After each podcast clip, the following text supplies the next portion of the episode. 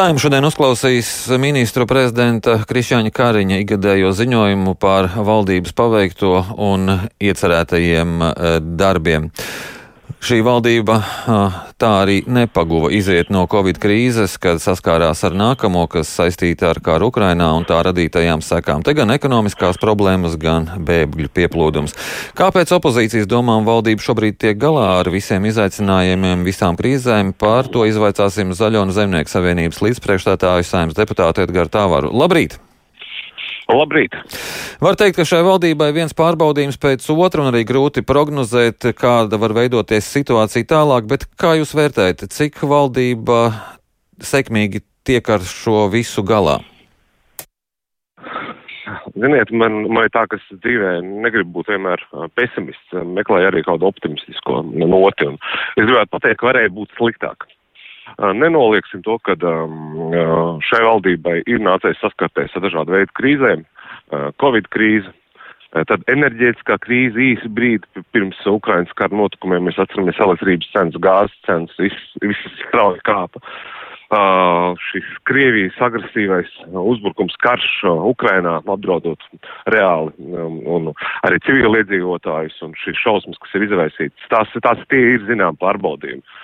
Un nu, tikai tādos smagos brīžos mēs arī varam pateikt, vai, vai, vai kāda komanda vai komandas kapteinis ir spējīgs uh, vadīt uh, šo, šo savu komandu, šajā gadījumā runājot valdību, līdz ar to arī visu valsti, lai mēs no šīm krīzēm uh, izietu ar pēc iespējas mazāk sāpīgiem zaudējumiem.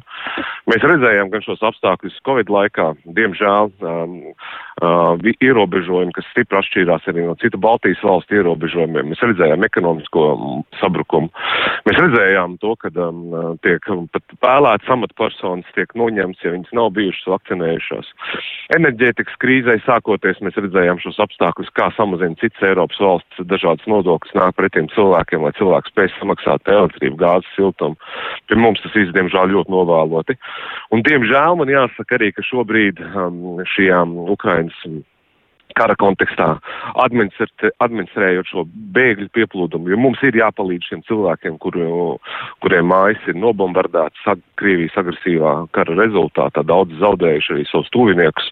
Mēs redzam to, ka šī atbildība šobrīd šie darbi visi gūstas uz Latvijas pašvaldību pleciem. Un pēc viņu iniciatīvas uh, maksimāli kaut kāda darbība arī notiek. No valsts puses ir rīcība, bet viņa ir jāatzīst godīgi ļoti, ļoti haotiska. Mūsu frakcija vēl vakardien mēs bijām uz uzaicinājuši arī iekšlietu ministri pārunāt. Arī esam gatavi sniegt savu atbalstu kā Zaļo zemnieku savienība, jo gal galā mēs arī esam diezgan plaši pārstāvēt pašvaldībās un saimas līmenī mēs esam gatavi daudz kur atbalstīt atbalstīt daudzas iniciatīvas un nākt arī ar savām iniciatīvām, lai mēs kopā vieglāk varētu pārvarēt šo vienu krīzi pēc otras krīzes. Nu, man diemžēl ir jāsaka, diemžēl, ka um, tā, te ir tā politiskā greizsirdība, ka nē, ka mēs paši esam gudrāki un jūsu opozīcijā mēs jūs neņemsim vērā. Vissāpīgāk man bija tas, kad uh, koalīcijas partijas noraida iniciatīvu nāk, neaplikt ar nodokli tos uzņēmējus, kuri ziedo no saviem, uh, saviem līdzekļiem um, pro, pro, procesiem un ziedo organizācijām kuras šo naudu un resursus novirza Ukrainai. Viņiem vienalga jāturpina būs maksāt uzņēmumu ienākumu nodoklis. Un, bet es ceru, ka um, kaut kāda saprāta balss tomēr uh, iezvanīsies un, Un, un, un šo risinājumu mēs, mums izdosies kopīgi, kopīgi uh, atrisināt. Ir daudz, daudz, daudz dažādas lietas, un mēs redzam, kas ir noticis tranzītā. Uh, no, ja bija iepriekš jau vairāku desmitu procentu, 40% kravu kritums, tad šobrīd pilnīgi droši, kad uh, Latvijas ostām un dzelzceļiem būs vēl smagāks brīdis uh, tūp, tūp pie fiasko. Un, ja tur nebūs, nebūs risinājumi, tad līdz ar jauno ostu reformu palielinās varbūtību tas, ka uh, mūsu ostas un dzelzceļš var teorētiski pienākt pie brīža, kad var tikt nodots privatizācijai. Tāpatās mēs vēl patinam arī šo, šo notikumu ķēdi nedaudz atpakaļ. Pašā krīzes brīdī mainīja nodokļu politiku, ļoti daudz iebildu, gan radošās profesijas, gan dažādi profesiju cilvēki, kuriem uh, pandēmijas laikā, kad ekonomika krīt, uh, mainīja nodokļus, uzlika faktiski jaunu nodokli arī šo minimālās sociālās iemaksas, par ko daudz protestēja. Sakam, lūdzu, dar darām to, bet atliekam tajā brīdī, kad ekonomika atveseļojās. Bet nē, vienalga tas, tas bija jādara. Nu, ja man jāpasaka vēl kaut kas pozitīvs, tad es personīgi priekš sevis vērtēju pozitīvi tomēr šo 500 eiro neapliekamo minimumu. Jā, 3,5 gadu novēlot o, novēloto, nekā tas bija solīts, un pāris mēneši pirms 14. saimnes vēlēšanām būs šie 500 eiro, bet es to uzskatu arī par tādu pozitīvu soli, un es noteikti ceru, ka nākamajās valdībās mums to izdosies nostiprināt, un katrā ziņā iespējams vēl pat palielināt šo neapliekamo minimumu. Bet, nu, bet, laiks nav vienkārši, es piekrītu, jā. laiks ir ļoti, ļoti sarežģīts, un šajā brīdī mēs arī varam redzēt, kurš ir līderis un kurš, diemžēl, nav līderis. Mm, nu, un tad Kariņš ir līderis vai nav līderis?